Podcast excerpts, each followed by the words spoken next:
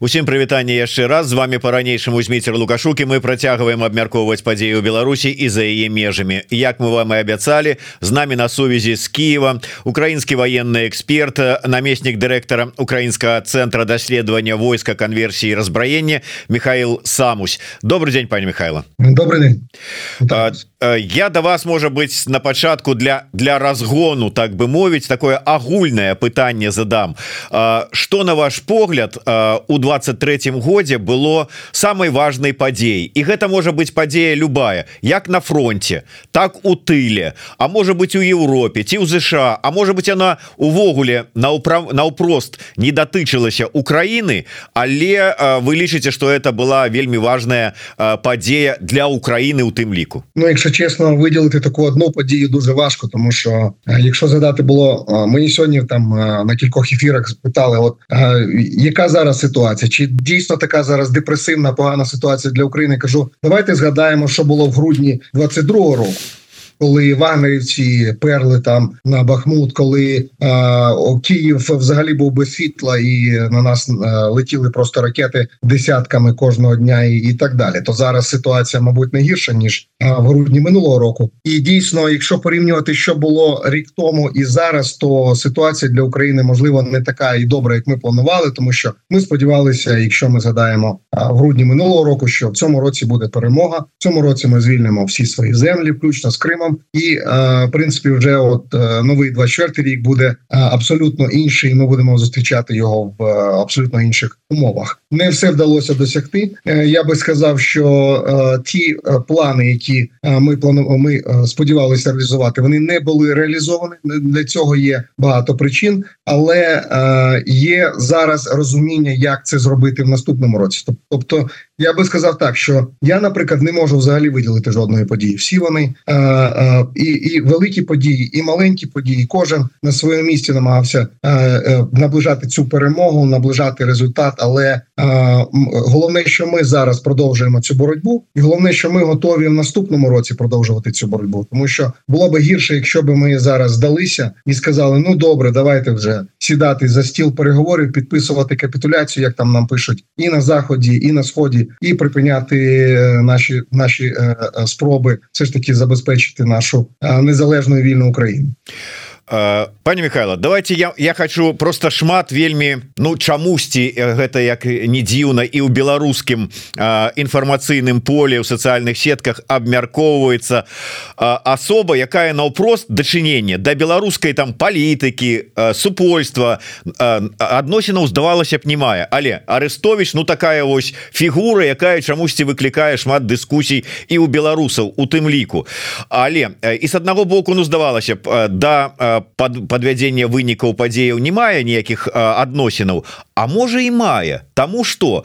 Вось гэтая заява апошняя арестовича про тое что вот там нам трэба с Путиным дамаўляться нам трэба можа быть выставіць нейкія прэтэнзіі разам с Путиным захаду вот гэта что? Адкуль гэта ўсё бярэцца? І не ці прыкмета гэта того что у Европе на захадзе назрываюць нейкія такія настроі як это мы кажам прымусу Киева да перамоваў с Москвой Ну по-перше на заході такі настрої ніколи не, не зникали тобто треба чітко розуміти що у кожного свої національні інтереси у кожного свої економічні інтереси і бізнесові інтереси і на, на насправді для європейської олігархії якщо можна так сказати ну тобто для великого бізнесу насправді найкращий результат російської так званої спеціальної воєнної операції був би якщо би Київ взяли за три дні росіян ну так треба чітко розуміти те що Україна воює і Україна бореться. Це не всім подобається на заході. Я не кажу про людей, я не кажу про суспільство, про політиків навіть, але для великого бізнесу, який втратив дешеві російські енергоносії, це дуже не подобається. Це е, я їх теж розумію по-своєму, тому що ну, вибачте, будували, будували бізнес 50-60 років ще з радянського союзу. Тягнули ці труби. А зараз ці труби е,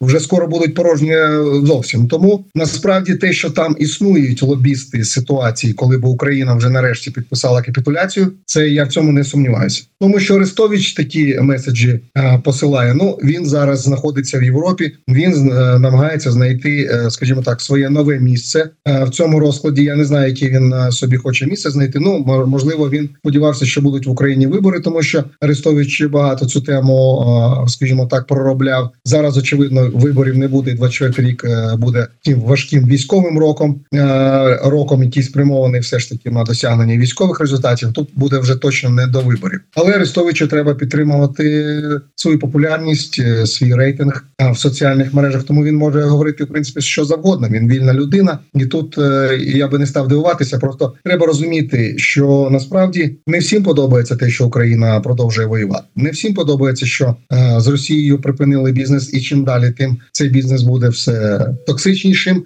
і недоречнішим для нормального бізнесу. І я думаю, що насправді, е, оскільки Україна не збирається припиняти цю боротьбу, то е, великому бізнесу європейському американському вже давно треба шукати, і е, на щастя, вони шукають альтернативи, можливості нові в умовах нової технологічної революції. Але те, що багато, скажімо так, політико-економічних груп в Європі ну дивились би непогано на те, що Україна би раптом сіла за стіл переговорів, підписала свою капітуляцію на будь-яких умовах. Я впевнений, що такі настрої і такі групи існують.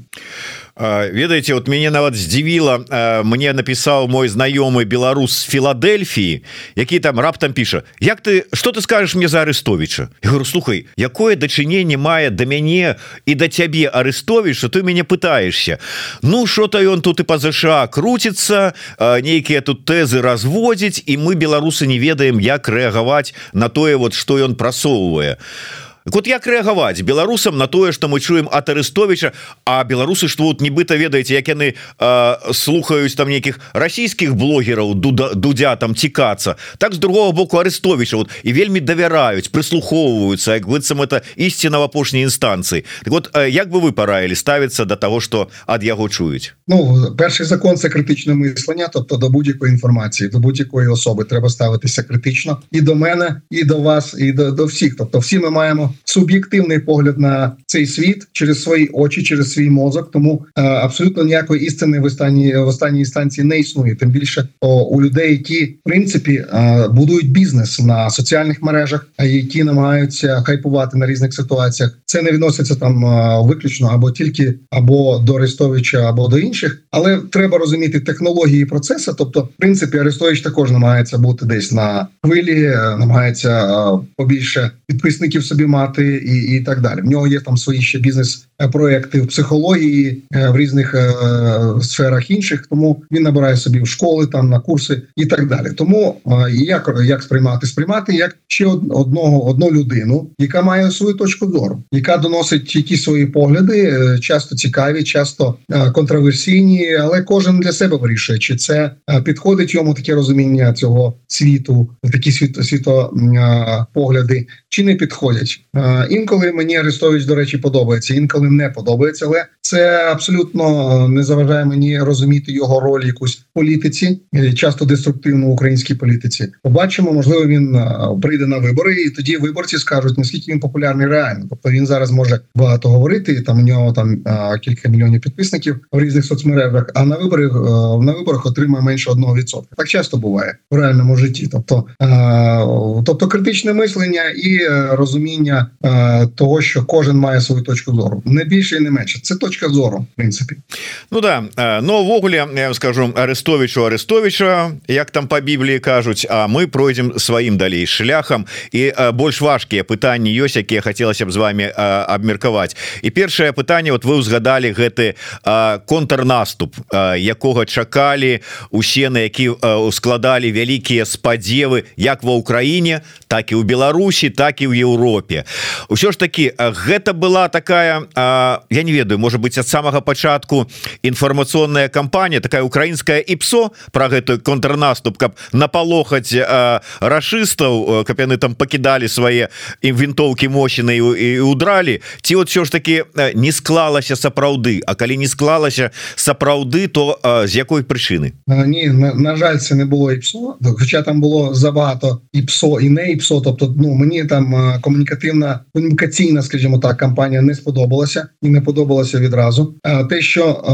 на наступ ми сподівалися і сподіваємося, тобто на 24 рік українська армія Україна готує нові наступальні операції. Це однозначно, тому що нам треба звільняти наші землі, і перш за все треба звільняти південь. Тобто, центр гравітації, як кажуть у військовій справі, центр гравітації цієї війни це Крим. Для того щоб нам почати е, деокупацію Крима, треба звільнити або, хоча б пробити собі е, території до Криму, підійти до Криму і почати вже безпосередню операцію. А це означає, що треба в Запорізькій Херсонській області проводити е, операції, які сподівалися провести в 23-му році. Чому не вдалося? Чому не вдалося досягти е, результатів, на які покладалось, тобто підійти до Криму? Насправді е, ну е, є кілька причин. Перша причина е, це е, все ж таки повільна поставка озброєнь, тобто деякі озброєння взагалі не були поставлені, такі як винищувачі. А будь-які доктрині сучасній перевага в повітрі це перший пункт. Тобто, всі доктрини нам говорили, е, е, що без переваги в повітрі не можна проводити таку операцію. Ну українська армія спробувала е, були показані непогані результати без панування в повітрі. Причому противник мав панування в повітрі і застосовували особливо ефективно каби. Це кориговані авіабомби, які застосовувалися по тисячі в місяць в листопаді. Наприклад, було 1200 кабів. А що таке каб? Це звичайна авіабомба, там 500 тисяч кілограм, до якої а, при, пришпандорюють крила GPS, і вона доволі а, точно летить 50 кілометрів. Тобто літак не, не має входити в зону дій ППО і може застосовувати. Тисячу таких штук прилетіло на українські позиції. А, Тобто, що ми ще зробили, окрім всього іншого, це довели, що будь-який статут та доктрина написані кров'ю, і це правда, і без переваги повітря такі операції проводити не варто. От зараз у нас вже всі повідомляють, що через кілька днів там будуть у нас F-16, і нарешті ми зможемо протидіяти російській авіації. Тобто, в 24-му році наступальні операції збройних сил України будуть проводити по як правило, як правильно треба робити доктринально з перевагою в повітрі, або у всякому разі нейтралізацією переваги в повітрі противника. Крім того, не була поставлена вся бронетехніка, яку обіцяли наші партнери, і тому, ну наприклад, американські Абрамси прийшли лише в вересні, і, і так далі. Тобто, з боєприпасами також не склалося. І крім того, е, ще хотів би звернути е, е, увагу на такий факт, на який про які досить часто забувають. Контрнаступ почався 7 червня. Це офіційна дата, яка вже була оприлюднена в пресі. А 6 червня була підірвана дамба Каховської ГЕС і було затоплено величезні простори, в тому числі було затоплено якраз плацдарм, який українська армія могла б організувати на лівобережжі Херсонської області. А там всього на всього 85 кілометрів від Дніпра до Криму. Тобто, наскільки я розумію, росіяни знали задум, і в той час, як е, в Запорізькій області було почато наступ, українські війська готували десант на лівобережжі Херсонської області, і для того, щоб його не сталося, росіяни підірвали Каховську ГЕС, затопили величезні території, там екоцид і так далі. Але в результаті е, лівобереж Херсонський напрямок було виключено е, на кілька місяців. Лише зараз ми е, знаємо, що вже от два місяці українська армія здійснює ті локальні операції стосовно формування плацдармів на лівобережжі Херсонської області. І росіянам не вдається, навіть використовуючи каби, навіть використовуючи всі свої засоби авіаційні, їм не вдається українські плацдарми нейтралізувати. Тобто, тим більше, от як тільки українські війська збили три су 34 які якраз працювали в цьому районі. Вже п'ятий день кринки ніхто не не бомбить е, капом. А це вже е, трошки інша ситуація. Тобто української армії зараз Е, зростають можливості стосовно розширення цих плацдармів. Але е, на жаль, в 2023 році цей плацдарм був затоплений. Росіяни не не знехтували цією можливістю, тобто е, зруйнувати величезні території, там затопити десятки сіл і так далі. Їм було наплювати. Їм головне було не допустити прорив українських військ до Криму. Тому росіяни підійшли до українського наступу дуже серйозно. Те, що вони збудували там три оці вели такі потужні лінії оборони з е, дуже потужними мінними полями, про які писав потім генерал Залужний, що нам треба нові технології е, подолання мінних полів, е, в тому числі там нетрадиційні, наприклад, використання реактивних двигунів, які би там своїм потоком просто з, з знищували ці міни і детон змусували змушували їх детонувати. Тому насправді цей цей наступ, який не вдався, який не приніс результатів, він не скасовано. Він не зупинився. Продовжується підготовка до нього. Буквально вчора була прес-конференція генерала Залужного. До речі, і там, окрім питань мобілізації, які зараз дуже гаряче обговорюються в Україні. Він розказував в тому числі про те, що він готує на наступний рік, і він сказав таку фразу, що ті проблемні питання, про які я писав в статті The Economist, там було п'ять напрямків основних технологій. Ну, перше, це була перевага у Там були безпілотники, РЕБ, були мінні поля, контрбатарейна боротьба і так далі. Він сказав, що вже 90% українська армія знайшли методи, інструменти, як це подолати. Ну тобто, наприклад, по безпілотникам можливо, ви чули, що в Україні зараз оголошено плани наступний рік. Це 1 мільйон FPV дронів виробництва, 10 тисяч середньої дальності ударних дронів і тисячу дронів далекої дальності, тобто більше тисячі кілометрів. Тобто амбіційні плани, але в принципі у нас зараз вже виготовляється там близько 30-50 тисяч fpv дронів на місяць, і це звісно для росіян дуже велика проблема, тому що фактично зараз fpv дрони заміняють і міномети, і артилерію, і високоточні засоби е, знищення, навіть протитанкові ракети заміняють собою, тому що це ну абсолютно універсальний засіб і дуже дешевий. Тобто там 500-400 доларів, і реально можна знищити одиницю бронетехніки. Вось тое что расіяне сур'ёзна рыхтаваліся і сур'ёзна паставіліся да украінскага наступа э, меркаванага. Гэта зразумела. Ну бо не не дурніш там уже канчатковыя все сядзяць. Але тое что яны э, так своечасова за дзень до да планаванага наступа подорвали э, гэс гэта гаворыць про что что добра ведалі конкретную інфармацыю. Агентура і что якія высновы что было зроблена у выніку украінс украінскім бокам вот сыходячы вот с такой ситуации потому что мы ведаем давно размовы ідуць что вельмі шмат з даўніх часоў вот этих прорасійскіх агентаў ці просто рускамірцаў ці яшчэ что-небудзь у розных структурах. Але гэта конкретная здрада нават больш за тое якія что было зроблена по выніку? Ну мені важко сказати що було зроблено тому що це робота СБУ контррозвідки і я сподіваюся що це було сприйнято серйозно те що буквально за один день була до того як планувався наступ було зроблено підрив Каховської ЕС. з іншого боку. Ну тобто, я я підтверджую ваші слова, що агентури повно агентури, починаючи від, е, скажімо так, е, людей, які просто на вулицях там фотографують е, війська або аеродроми, або переміщення техніки, і так далі, або просто до розвідку роблять. Ну після ракетного удару знімається відео і відсилається там або в пабліки, або по конкретним телеграм-каналам. І це це конкретна дорозвідка. Тобто ворог може дивитися, наскільки успішний був удар, чи і як треба скоригувати наступні удари. Це прям пряма робота. І Я впевнений, що агентури вистачає і на різних щаблях, і в військовому командуванні, і е, в державному керівництві. Ну це е, е, все таки наслідки того, що ну перше, ми з однієї імперії, і це е, все ж таки не один десяток років. Це все формувалося у кожного свої там мурашки в голові. Але ця імперськість вона насправді дуже і совковість, вона дуже важко е, випалюється, скажімо так, від свідомості. І насправді е, дуже багато прикладів, коли е, виявляється агентура на дуже небезпечних, скажімо так, місцях і посадах. Але з іншого боку, насправді, от я сказав, що мені не сподобалася сама інформаційна кампанія, яка проводилася тоді е, напередодні наступ, і фактично в ході наступу, тому що ну мені здається, десь з весни в західних в західних виданнях ну фактично там кожного дня вже ось ось там буде вже основний напрямок, а там буде не основний напрямок.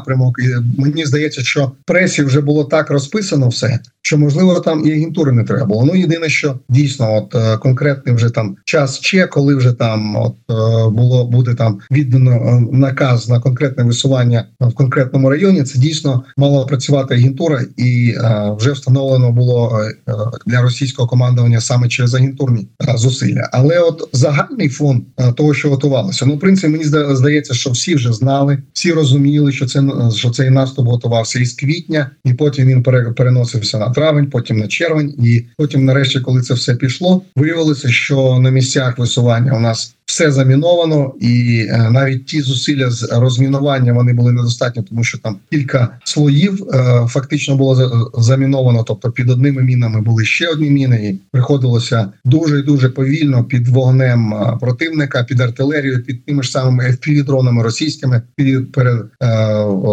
при впливі ланцетів і розвідувальних дронів. Тобто, як написав потім генерал Залужний, що на даний момент, от після цього наступу, можна сказати так, що ворог повністю бачить, що ти робиш на полі бою. А ми бачимо повністю все, що робить е, ворог на полі бою. Тобто, зараз неможливо приховати фактично ні твою підготовку, ні до оборони, ні до наступу, ні фактично, вже коли ти здійснюєш цей наступ. От зараз з жовтня, там 10 жовтня, росіяни намагалися прорвати оборону під Авдіївкою. Результати ну мінімальні, дуже мінімальні, скажімо так, при величезних втратах, і знову ж таки втрати в основному від fpv дронів, і звісно, розвідка. Оце по повністю висвітлення обстановки, коли в прямому ефірі фактично ми бачимо, от висувається колона. По ній працює українська артилерія. Потім шматки добуваються вже е, fpv дронами. Потім в догонку летять там ще там мінометами і так далі. Тобто, і кожен цей штурм він супроводжується тим, що це йде в прямому ефірі, як для них, так і для нас, і точно так же з нашого боку. Тому е, зараз війна дуже складна, вона дуже е, технологічна, і якраз мова йде про те, що РЕБ, наприклад,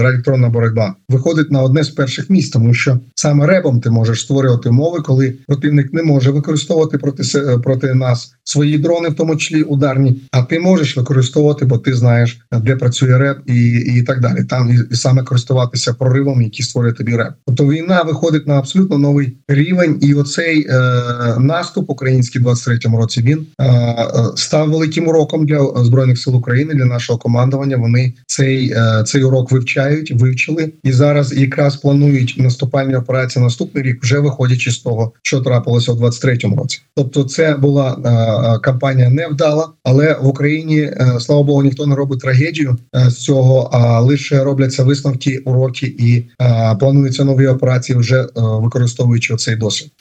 Э, у нас ось буквально перад э, ваш эфиром з вами быў эфир с э, нашей вядомай паліталагіняй доктором паліталагічных навук розай турарбекавай дзе мы разважалі про тое что змяняются якія змены адбываюцца палітычныя у Еўропе і зараз мы маем апроч такого пуцініста Орбана яшчэ фіца з-за якога пастаўкі зброю ва ўкраіне таксама ну скажем так перашкоды ёсць пэўныя. По яе словах падымае і набірае набірае папулярнасць у Геррманіі альтэрнатыва для Геррманіі таксама тая партыя якая но супраць падтрымки Украіны там таксама путінскі душок. а что вы думаете чаго чакаць у наступным годзе адносна поставак зброі Украіне с захаду все гэтыя тэндэнцыі палітычныя ці прывядуць яны да змяншэння поставак ці насуперак ім пастаўкі будуць павялічвацца вот ваши прогнозы. Ну, 24 рік ще не стане переломним в цьому моменті. Тобто насправді то для росіян головне протриматися якраз 24 рік. Тобто вони наскільки я розумію моя гіпотеза. Для Путіна головне не допустити про прорива якраз українських збройних сил на півдні, тобто знову ж таки не допустити успішного українського наступу вже в 24-му році, а самим досягти хоча б мінімальних успіхів на Донбасі. І потім, коли в Сполучених Штатах міняється керівництво, тобто вони розраховуються таки, що прийде Трамп в Європі. Дійсно почнуться процеси, які можуть уже радикальним способом змінити ландшафт політичний в сторону зменшення підтримки України, все таки натиснути е, через Сполучені Штати через Європу на е, українське керівництво і е, примусити фактично до капітуляції, тобто без е, звісно, без західної допомоги, без підтримки Сполучених Штатів, без підтримки Німеччини, Франції, Нідерландів інших країн Європи, ми не зможемо воювати, скажімо так, настільки ефективно. Тобто, ми ще протримуємося якийсь час, але далі в нас просто банально не буде боєприпасів для того, щоб стріляти у відповідь російським проти російських атак. і Ми просто змушені будемо виходити якось дійсно на на якісь переговори. Тобто такі плани Росіян, але в 24-му році я впевнений, радикальних змін політичного ландшафту в Європі не відбудеться. Навіть той же самий Фіцо, який прийшов в тому числі на тих слоганах, що ми припинимо підтримку Україні. Насправді він як сказав: ми не будемо поставляти зі складів, але ті оборонно-промислові проекти, в яких беруть участь словацькі виробники, ну зокрема там самохідні артилерійські установки Словаччина виготовляє для української армії. Вони звісно будуть продовжуватися, тому що це для підтримки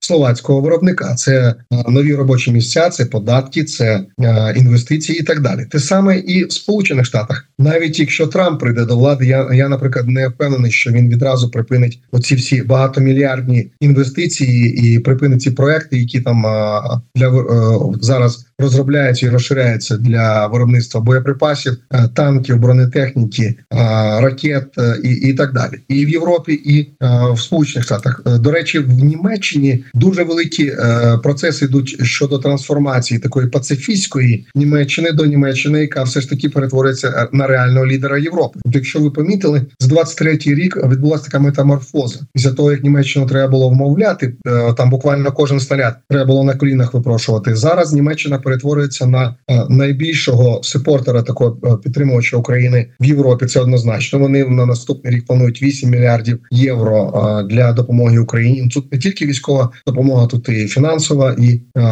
і інша допомога. І це означає, що Німеччина все ж таки намагається бути лідером. Якщо Німеччина буде продовжувати таку політику, то і більшість Європи, європейців вони не змінять свою позицію. Дійсно, є небезпека приходу до влади таких популістів, праворадикалів, консерваторів. Але подивимося, подивіться на Польщу. Тут відбувся інший е, процес, тобто процес протилежного напрямку, коли все ж таки більш консервативні сили поступилися більш ліберальним силам. Зараз побачимо, як це все буде реалізовуватися на практиці. У всякому разі, ці процеси з блокади українського кордону є очікування, що вони будуть е, все ж таки нейтралізовані, вирішені, і е, і українсько польські відносини вийдуть на інший рівень, е, на більш конструктивний, тому що мені здається, що якраз Польща втратила більше як як країна від тих дій, які от були реалізовані ніж набула. Давайте трошку да на бела у беларускі бок паглядзім. Як вы лічыце ось як змяняўся ўзровень пагрозы с боку тэрыторыі Беларусі для Украіны?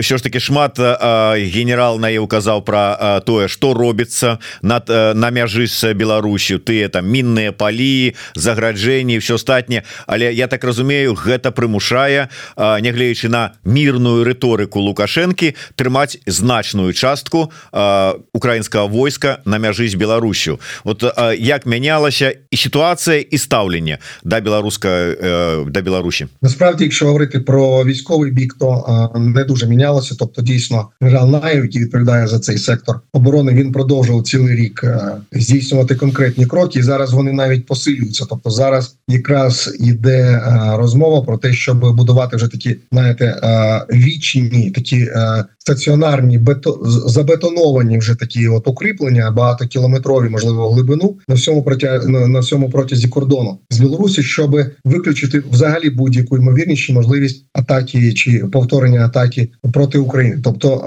ці зусилля вони не те, що зменшуються, вони навпаки навіть збільшуються з українського боку з точки посилення оборонних е, е, ліній, оборонних споруд інженерного інженерної підготовки якраз кордону для протидії цих нападів. Ну тим більше, що оголошено, що тепер ядерна зброя є на території Білорусі, тому нам треба дійсно тримати і сили там, і е, систему ППО, звісно, налаштовувати е, більш е, концентровано, якраз з цього боку. Дійсно, треба тримати там війська, і військова загроза не знижувалася. У всякому разі немає такого відчуття, що потенційно можна зняти якусь групу військ, відправити там на виконання завдань на інших напрямках фронту фронту. На жаль, ситуація залишається саме такою. Ну, в принципі, Лукашенко не не намагався там якось е, особливо маневрувати. Тобто його позиція залишалася доволі незмінною. Він е, залишається повним е, союзником Путіна, і тому тут треба для України, я думаю, тримати той самий рівень тривожності, скажімо так, стосовно цього напрямку. А напрямок великий, тобто це сотні кілометрів, які треба забезпечити відповідно якісної оборони.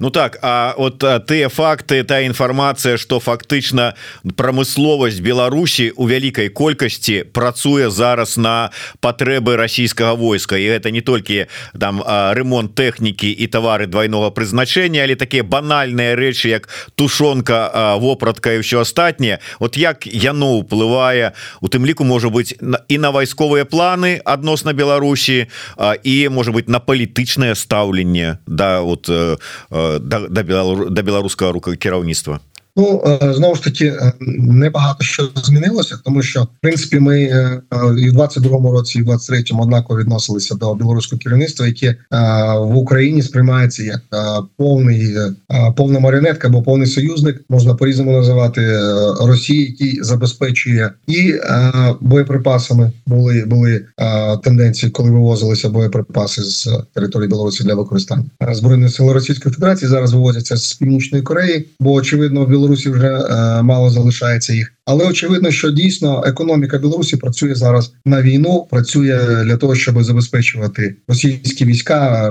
російські е, можливості для продовження е, агресивної війни проти України. Тому відношення відповідно тут мало що змінилося за 23 рік. Немає кардинальних змін.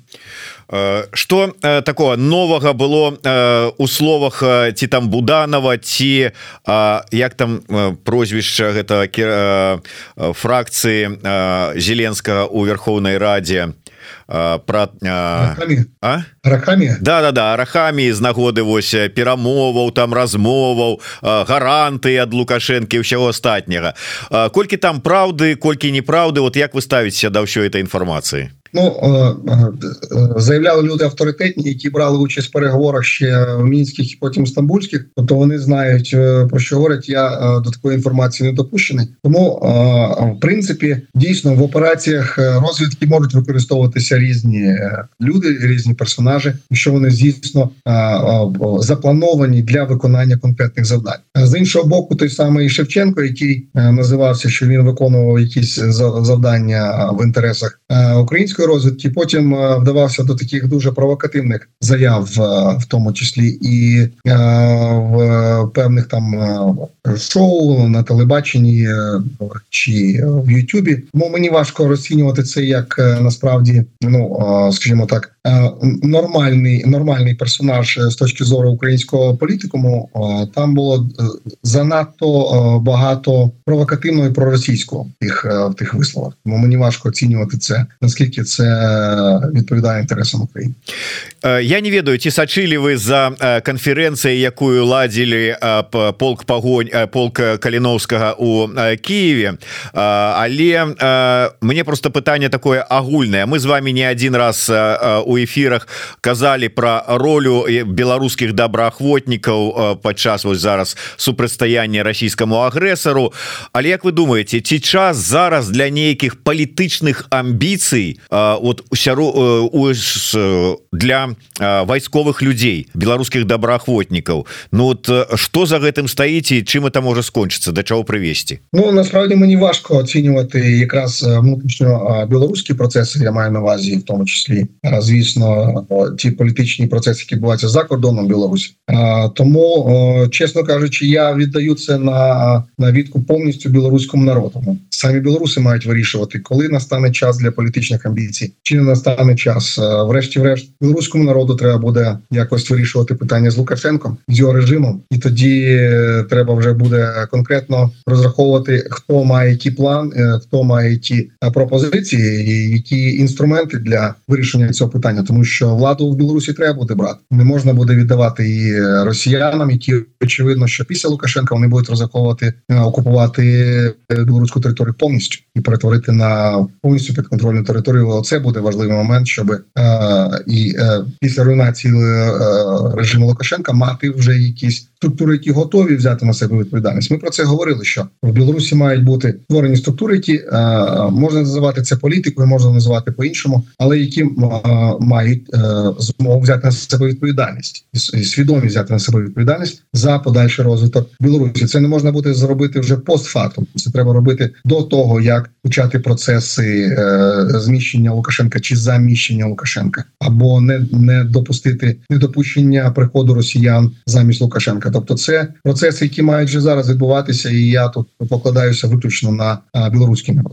Ну а калі мы кажем про дэмакратычныя сілы палітыка у ці людзей беларусаў за межамі Беларусі і ў Беларусі гэта да я з вами згодны але у дадзеным выпадку я вас пытаўся про канкрэтную палітычную дзею і амбіцыі людзей якія з'яўляюцца ну часткай узброеных сілаў Украіны якія как бы падпарадкуюцца гур якія на контракце а контракты воевать павінен а не палітыкай займацца Ну тут я згоден Тобто тут якщо ну знову ж таки мені важко оцінювати тут вплив це на внутрішньо-білоруські процеси, тому що ви на них на їх дивитесь, ви їх оцінюєте, ви їх можете якось класифікувати. Тобто, насправді е, Україна готова допомагати білоруському народу максимально, якщо це є якийсь деструктив з цього боку. Я думаю, що в тому числі білоруси мають рефлексувати на це і вказувати на це тим самим е, хлопцям, які, е, наприклад, мають якісь політичні амбіції. Я певний, що в збройних силах України такі політичні амбіції вони не реалізуються і не будуть реалізовуватися, тому що у нас в збройних силах України і взагалі заборонені політичні амбіції. Часто знаєте, у нас розкручують цю ідею про конфлікт між залужним і Зеленським. Нам тут самим треба боротися за те, щоб доводити, що ніякого політичного керівництва у нас взагалі зараз в Україні немає. У нас є тільки військове керівництво, і Зеленський, в тому числі, це верховний головнокомандувач. Це не просто президент, а це керівник ставки військової ставки, яка займається веденням війни, а не просто займається якимись там зеленськими політичними питаннями, а залужним військовим. Зараз це розділити дуже важко. Тому звісно, що політикою у нас зараз займатися не не дуже ефективно, тому що все таки все направлено на війну, і і в парламенті, і в уряді максимально намагаються все таки працювати над вирішенням конкретних питань. Я думаю, що те, що білорус білоруси намагаються реалізуватися в політичному плані, ну тому що можливо якраз зараз в самому білоруському політикумі я маю на увазі, звісно, не Лукашенківський режим, а інші процеси, демократичні сили також є досить неоднозначні, скажімо так, рухи, неоднозначна оцінка один одного, і тому можливо це якраз реакція на саме на ці внутрішньо-білоруські демократичні процеси. Тому це більше рефлексія не внутрішньоукраїнської, внутрішньо-білоруської ситуації. Юлія піша здурнеть у галаве беларуска-украінская эсперанта і ўсё зразумела Ну таму что мы заўсёды у прынцыпе зможам паразумецца нягледзячы на усе тыя э, цяжкасці і складанасці якія у нас ёсць і на тыя праблемныя моманты у якія уцягнуў нас лукашенко у тым ліку. Але на завяршэнне нашай размовы пані Михайло вот вы ж бачылі гэтую інфармацыю от у японскай прэсе про 5 гадоў войны якія ну нібыта про якія Путін казаў си дзяньпіню і маўляў Китай вот і арыентуецца на гэтыя 5 гадоў.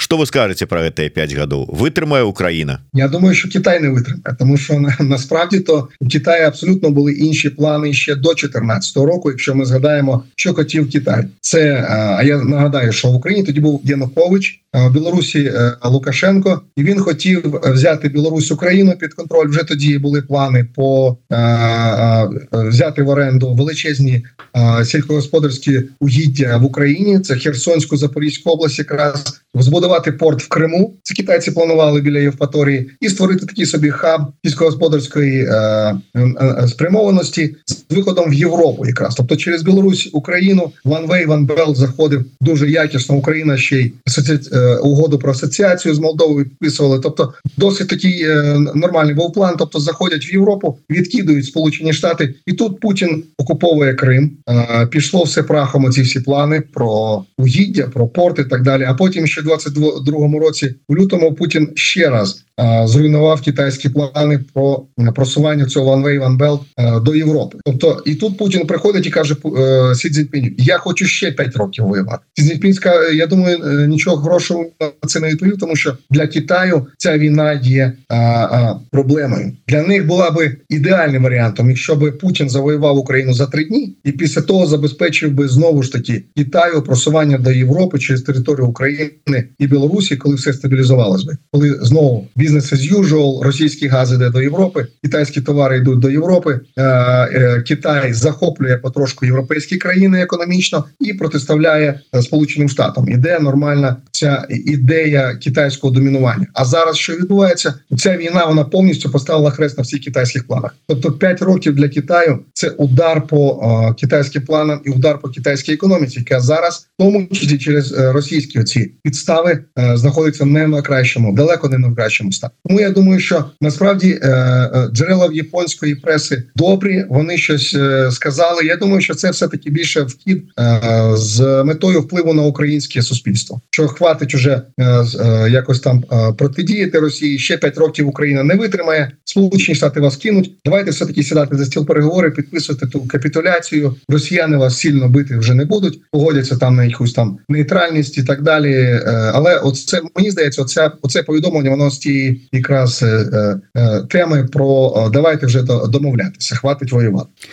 Ну завершаючы нашу размову ведаеце вось гэтыя адносіны для мяне не з 22 -го года пачаліся. Гэтая фраза разам і назаўжды для нас ну как бы відавочная даўным-даўно. Со сваімі сябрамі мы давно украінскімі давно про гэта гаварылі. Таму я думаю не будзе дзіўным калі я вас попрошу каб вы як таксама наш добры сябра беларускага народа нейкае навагодняе віншаванне на 24 год і беларускаму і украінскаму народу віншаванне ад Михайла самуся. Дуже дякую за можливість. Ну звичайно здоров'я успіхів і всіх оцих базових речей але для українців для білорусів 24 рік має стати роком роком перемоги.